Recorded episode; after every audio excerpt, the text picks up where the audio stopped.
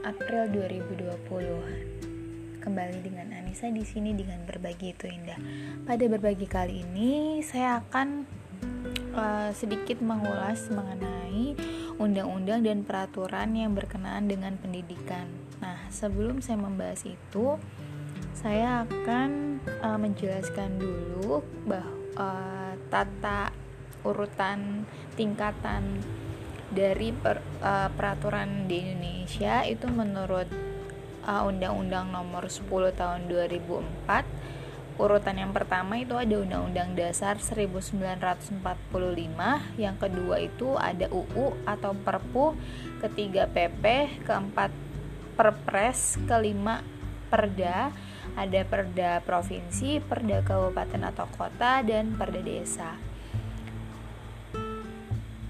Kemudian ada pergantian yaitu UU tahun 2011 nomor 12.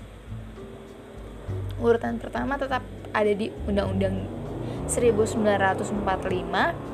Yang kedua uh, TAP MPR kalau yang sebelumnya Undang-Undang nomor 10 tahun 2004 itu abis Undang-Undang 1945 langsung UU atau Perpu. Kalau yang Undang-Undang nomor 12 tahun 2011 itu Undang-Undang 1945, TAP MPR baru atau Perpu, kemudian PP, Perpres, kemudian Perda provinsi, Perda kabupaten atau kota. Nah, ini yang saya ketahui mengenai peraturan uh, mengenai pendidikan tenaga pendidik. Itu yang pertama ada di pembukaan Undang-Undang 1945 yang kedua itu ada di Undang 1945 bab 10 tentang hak asasi. Kemudian di bab 13 tentang pendidikan dan kebudayaan. Kemudian Undang-Undang nomor 20 tahun 2003 tentang sistem pendidikan nasional kemudian Undang-Undang Nomor 12 Tahun 2012 pen tentang pendidikan tinggi, kemudian ada Undang-Undang Nomor 14 Tahun 2005 tentang guru dan dosen dan yang uh, tentang dosen aja itu ada di PP PP nomor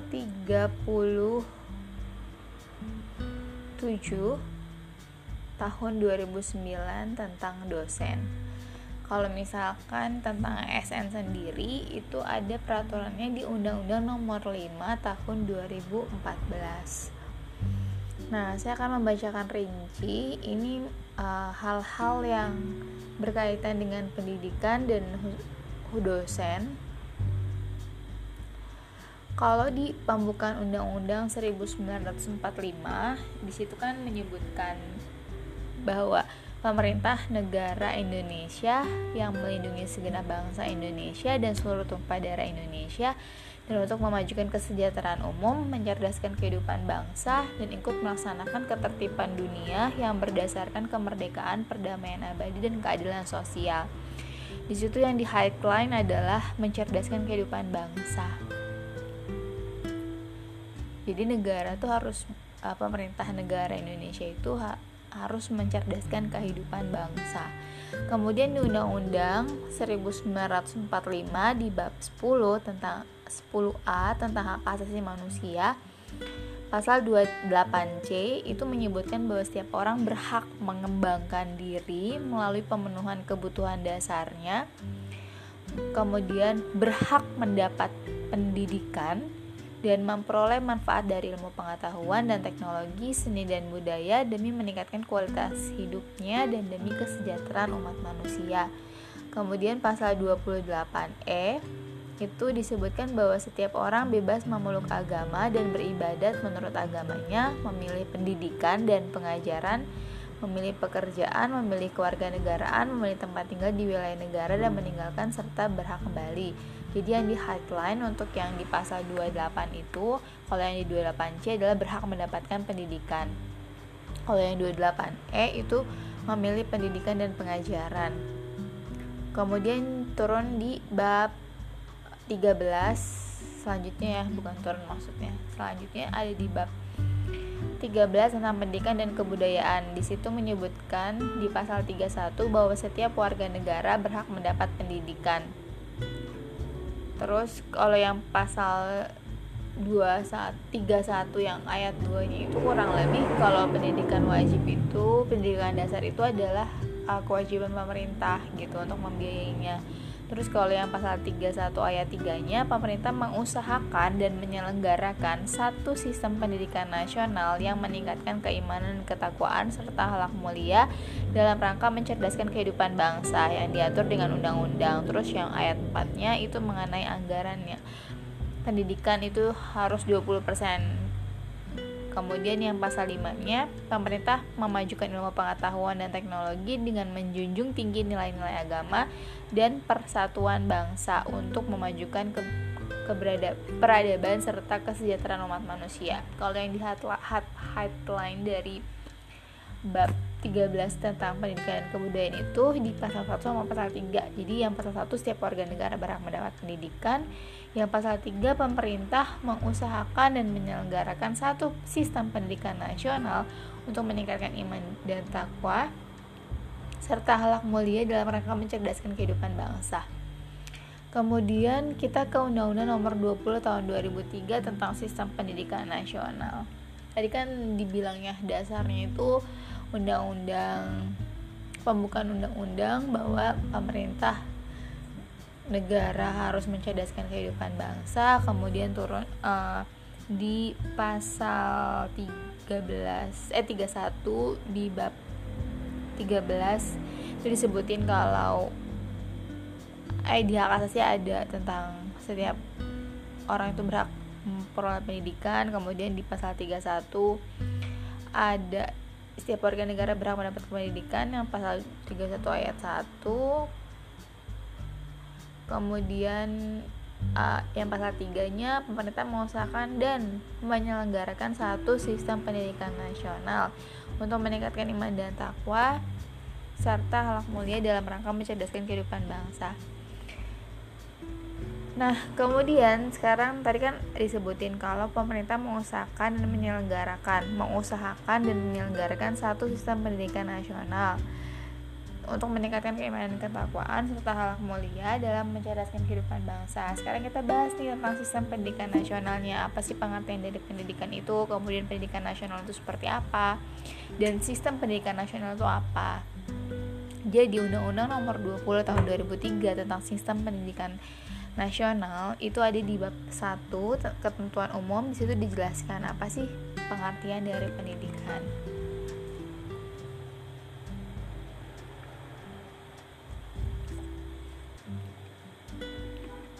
Jadi, pendidikan itu adalah usaha sadar dan terencana. Usaha sadar dan terencana untuk mewujudkan suasana belajar dan proses pembelajaran agar peserta didik aktif secara aktif mengembangkan potensi dirinya untuk memiliki kekuatan spiritual keagamaan, pengendalian diri, kepribadian, kecerdasan, akhlak mulia, serta keterampilan yang diperlukan diperlukannya masyarakat, bangsa dan negara gitu. Jadi pendidikan itu adalah usaha sadar dan terencana untuk meningkat untuk mewujudkan suasana belajar dan proses belajar agar peserta didik secara aktif mengembangkan potensi dirinya untuk memiliki spiritu kekuatan spiritual keagamaan, pengendalian diri, kepribadian, kecerdasan, alat mulia, serta keterampilan yang dirinya bangsa dan negara, masyarakat bangsa dan negara. Kemudian kalau pengerti itu kan pengertian pendidikan. Kalau pendidikan nasional itu adalah pendidikan yang berdasarkan Pancasila dan Undang-Undang Dasar Republik Indonesia tahun 1945 yang berakar pada nilai-nilai agama, kebudayaan nasional Indonesia dan tanggap terhadap tuntutan perubahan zaman. Itu pendidikan nasional. Jadi pendidikan nasional itu pendidikan yang berdasarkan Pancasila dan Undang-Undang RI 1945 yang berakar pada nilai-nilai agama, berbudaya kebudayaan nasional Indonesia dan tanggap terhadap tuntutan perubahan zaman. Kemudian kalau sistem pendidikan nasional sendiri adalah seluruh komponen pendidikan yang saling terkait secara terpadu untuk tujuan pendidikan nasional. Nanti kita bahas juga tujuan dan fungsi pendidikan nasional. Kalau pengertian peserta didik itu adalah anggota masyarakat yang berusaha mengembangkan potensi diri melalui proses pembelajaran yang tersedia pada jalur jenjang dan jenis pendidikan tertentu. Nah, di sini juga tuh dijelasin ada ada pendidikan formal, informal sama non formal. Kalau yang formal itu ya kayak SD, SMP, SMA gitu-gitu pokoknya kayak gitu. Contohnya kalau yang non formal formal informal non formal informal itu kayak kursus kalau non formal itu hmm, pendidikan keluarga. Nanti silahkan dicek lagi karena aku nggak fokus ke klasifikasinya tapi aku lebih fokus sama membahas yang khusus mengenai pendidikan dan dosen aja sih.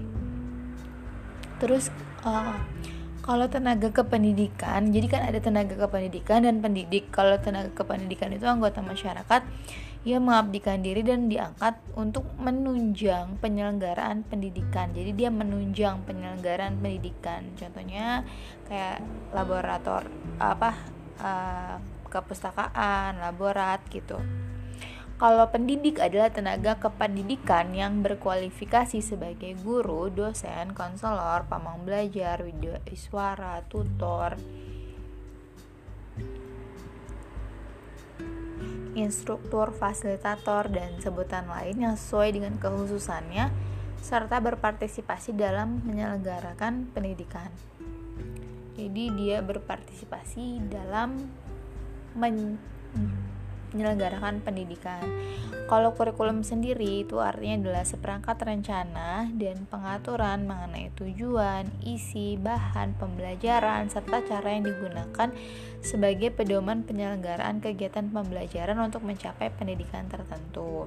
Saya ulangin ya, kurikulum itu adalah seperangkat rencana dan pengaturan mengenai tujuan, isi, bahan pembelajaran, serta cara yang digunakan sebagai pedoman penyelenggaraan kegiatan pembelajaran untuk mencapai tujuan pendidikan tertentu. Jadi dia tuh seperangkat rencana yang mengatur mengenai tujuan, tujuan kayak tujuan pembelajarannya apa, isinya apa aja, bahan pembelajaran serta cara yang digunakannya. Jadi kan ada tujuan, isi, kemudian bahannya, isinya tuh apa aja, bahannya mana terus cara yang digunakan sebagai pedoman penyelenggaraan kegiatan pembelajaran untuk mencapai pendidikan tertentu. Kalau pembelajaran itu sendiri adalah proses interaksi peserta didik dengan pendidik dan sumber belajar dari suatu lingkungan belajar. Jadi sumber belajar ini banyak kayak uh, perpustakaan atau enggak tempat magang atau enggak komunitas masyarakat itu bisa juga menjadi sumber belajar. Jadi intinya semua hal yang ada di alam ini tuh sumber belajar gitu. Pem, jadi pembelajaran adalah proses interaksi peserta didik dengan pendidik dan sumber belajar pada suatu lingkungan belajar. Nah, aku tuh baca tapi lupa ada di mana kalau uh, guru dan dosen ini memegang peranan yang strategis untuk un, di dalam pembangunan atau di dalam pendidikan lah gitu. Jadi karena apa? Ya karena dosen itu kan dia berinteraksi langsung dengan peserta didik yang di mana SDM yang baik itu dihasilkan dengan mutu pembelajaran yang baik di mana kita bisa lihat dari interaksi antara dosen dan pendidiknya seperti apa gitu. Jadi intinya ketika mau menghasilkan sumber daya manusia yang berkualitas baik di situ proses pembelajarannya pun harus baik. Nah itu kan yang ber yang secara langsung terlibat dalam proses pembelajaran antara peserta didik itu adalah ya pendidik gitu. Yang di situlah dia punya peran krusial dalam mencetak sumber daya manusia yang akan menjadi menjadi menjadi menjadi gitu. Menjadi pengusaha kah atau menjadi apakah atau menjadi apa gitu. Jadi situ dia mempunyai peran krusial banget. Kemudian lanjut ke bab 2 tentang kalau yang tadi itu masih bab 1 tentang ketentuan umum. Kalau bab ini aku cuma bacain poin-poinnya yang relate sama pendidikan dan pendidik. Kayak gitu.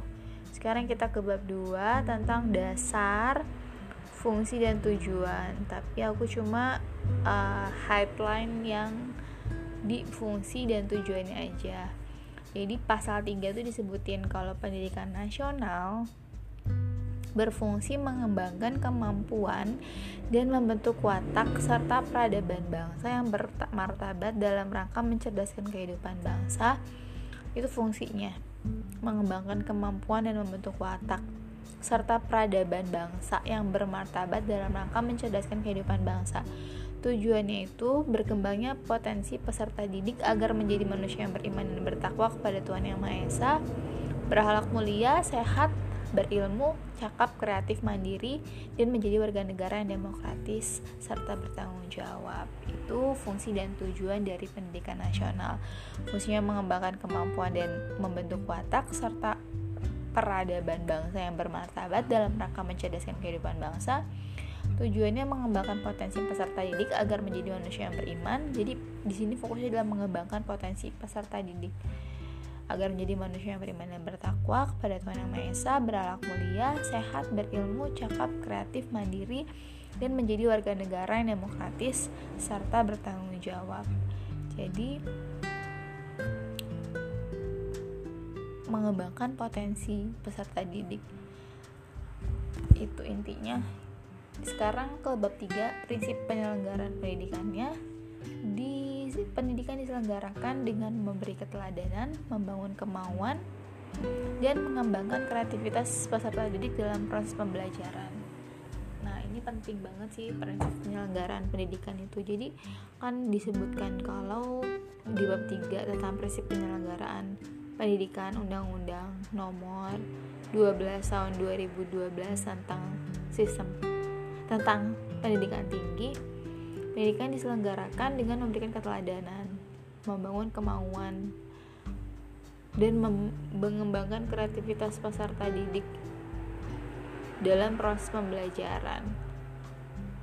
Terus bab 11 tentang pendidik dan tenaga pendidikan Pasal 39 disebutkan bahwa pendidik merupakan tenaga profesional yang bertugas merencanakan dan melaksanakan proses pembelajaran, menilai hasil pembelajaran, melakukan pembimbingan dan pelatihan serta melaksanakan penelitian dan pengabdian masyarakat kepada masyarakat terutama bagi pendidik pada perguruan tinggi.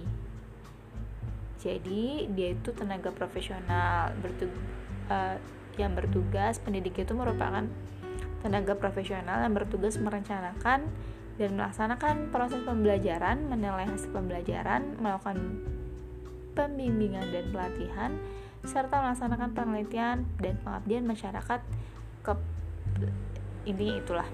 Kalau pasal 40 pendidik dan tenaga kependidikan berhak memperoleh pembinaan karir sesuai dengan tuntutan pengembangan kualitas kemudian kewajibannya itu menciptakan suasana pendidikan yang bermakna menyenangkan, kreatif, dinamis, dan dialogis mempunyai komitmen secara profesional untuk meningkatkan mutu pendidikan memberikan keteladanan dan menjaga nama baik lembaga, profesi, dan kedudukan sesuai dengan kepercayaan yang diberikan kepadanya. Kemudian kita bahas uh, tadi itu kan tentang sistem pendidikan nasional. Sekarang kita fokus oh iya sorry tadi itu kita bahas mengenai sistem pendidikan nasional ya yang nomor 20 tahun 2003 sekarang kita fokus ke undang-undang nomor 12 tahun 2012 tentang tentang pendidikan tinggi. Bab 1 ketentuan umum pasal 1 itu humaniora adalah disiplin ilmu akademik yang mengkaji nilai intrinsik kemanusiaan. Kemudian kalau yang poin 11 bab 1 pengabdian kepada masyarakat ada kegiatan sivitas akademika yang memanfaatkan ilmu pengetahuan dan teknologi untuk memajukan kesejahteraan masyarakat dan mencerdaskan kehidupan bangsa kegiatan sivitas yang memanfaatkan ilmu pengetahuan dan teknologi untuk memajukan kesejahteraan masyarakat dan mencerdaskan kehidupan bangsa. Sivitas akademik adalah masyarakat akademik yang terdiri atas dosen dan mahasiswa. Dosen adalah pendidik profesional dan ilmuwan dengan tugas utama mentransformasikan, pengembang, mengembangkan, dan menyebarluaskan ilmu pengetahuan dan teknologi melalui pendidikan, penelitian, dan pengabdian masyarakat. Kemudian pasal 4, pendidikan tinggi berfungsi untuk mengembangkan kemampuan dan membentuk watak yang watak serta peradaban bangsa yang bermartabat dalam rangka mencerdaskan kehidupan bangsa, mengembangkan sifat akademik yang inovatif, responsif, kreatif, terampil, berdaya saing, dan kooperatif melalui pelaksanaan terpikir Dharma. Terus pasal 12, dosen sebagai anggota sivitas akademik memiliki tugas mentransformasikan ilmu pengetahuan dan teknologi yang dikuasainya kepada mahasiswa dengan mewujudkan suasana belajar dan pembelajaran sehingga mahasiswa aktif membangun potensinya. Dosen sebagai ilmuwan memiliki tugas mengembangkan suatu cabang ilmu pengetahuan dan teknologi melalui penalaran dan penelitian ilmiah serta memperluasnya. Dosen secara perorangan atau berkelompok wajib menulis buku ajar dan atau buku teks yang diterbitkan oleh perguruan tinggi atau publikasi ilmiah sebagai salah satu sumber belajar untuk mengembangkan budaya akademik serta pem ke pembudayaan kegiatan baca tulis bagi sivitas akademika. Terus tentang pendidikan akademik, pasal 15, pendidikan akademik merupakan pendidikan tinggi sarjana program pasca sarjana dan program pasca sarjana yang diarahkan pada penguasaan dan pengembangan cabang ilmu pengetahuan teknologi. Jadi kalau yang pendidikan akademik itu fokusnya pada diarahkan pada penguasaan dan pengembangan cabang ilmu pengetahuan dan teknologi. Sedangkan pendidikan vokasi itu pendidikan di pasal 16 pendidikan vokasi merupakan pendidikan tinggi program diploma yang menyiapkan mahasiswa untuk pekerjaan dengan keahlian terapan tertentu sampai program sarjana terapan. Jadi kalau akademik itu sarjana atau pasca sarjana itu diarahkan pada penguasaan dan pengembangan cabang ilmu pengetahuan dan teknologi. Kalau vokasi itu dipersiapkan untuk pekerjaan dengan kalian tertentu. Terus program sarjana merupakan pendidikan akademik yang diperuntukkan bagi lulusan pendidikan menengah atau sederajat sehingga mampu mengamalkan ilmu pengetahuan dan teknologi melalui penularan ilmiah. Program sarjana yang dimaksud pada ayat 1 pasal 18 itu menyiapkan mahasiswa menjadi in, jadi menyiapkan mahasiswa menjadi intelektual dan atau ilmuwan yang berbudaya mampu memasuki dan atau menciptakan lapangan kerja serta mampu mengembangkan diri menjadi profesional kalau pasal 21 tentang vokasi, itu program diploma merupakan pendidikan vokasi yang diperuntukkan bagi lulusan pendidikan menengah atau sederajat untuk mengembangkan keterampilan dan penalaran de dalam penerapan ilmu pengetahuan dan teknologi. Jadi kayak penerapannya. Uh, program di ayat 2-nya program diploma sebagaimana dimaksud pada ayat 1 menyiapkan mahasiswa menjadi praktisi yang terampil untuk memasuki dunia kerja sesuai dengan bidang keahliannya. Kemudian uh, nomor undang-undang nomor undang-undang selanjutnya ya nomor 14 tahun 2005 tentang guru dan dosen. Bab 1 ketentuan umum pasal 1 dosen adalah pendidik profesional dan ilmuwan dengan tugas utama mentransformasi, mengembangkan dan menyebarluaskan ilmu pengetahuan, teknologi dan seni melalui pendidikan, penelitian dan pengabdian masyarakat. Profesionalit profesional adalah pekerjaan atau kegiatan yang dilakukan oleh seseorang dan menjadi sumber penghasilan kehidupan yang memerlukan keahlian, kemahiran, atau kecakapan yang memenuhi standar mutu dan atau norma tertentu serta memerlukan pendidikan profesi. Pasal 3, dosen mempunyai kedudukan sebagai tenaga profesional pada jenjang pendidikan tinggi yang diangkat sesuai dengan peraturan perundang-undangan. Bab, bab itu tentang itu di bab 1 tentang ketentuan umum. Kemudian bab 3 prinsip profesionalitas. Pasal 7, profesi dosen dan guru merupakan bidang pekerjaan khusus yang dilaksanakan berdasarkan prinsip minat bakat memilih berdasarkan prinsip sebagai berikut memiliki bakat, minat, panggilan jiwa dan idealisme, memiliki komitmen untuk meningkatkan mutu pendidikan, keimanan, ketakwaan dan alat mulia dan akhlak mulia, memiliki kualifikasi akademik dan latar belakang pendidikan sesuai bidang tugas, memiliki kompetensi yang diperlukan sesuai dengan bidang tugas, memiliki tanggung jawab atas pelaksanaan tugas profesional, keprofesion, keprofesionalan. Kemudian PP nomor 37 tahun 2009 tentang dosen itu silahkan dibaca sendiri. Itu uh, membahas tentang definisi, kemudian pengangkatan, kayak gitu, kayak gitu, cuti, hak dan kewajiban, fungsi, terus yang nomor 5 tahun 2004 tentang aparatur sipil negara atau ASN itu juga silakan baca sendiri itu menjelaskan mengenai ASN seperti apa hak dan kewajiban kemudian uh, pengangkatan atau pemberhentian secara hormat tidak terhormat kenapa aja terus apa saja yang didapatkan tunjangan gitu-gitu. Silahkan dibaca terima kasih sudah mendengarkan. Sampai jumpa di podcast berikutnya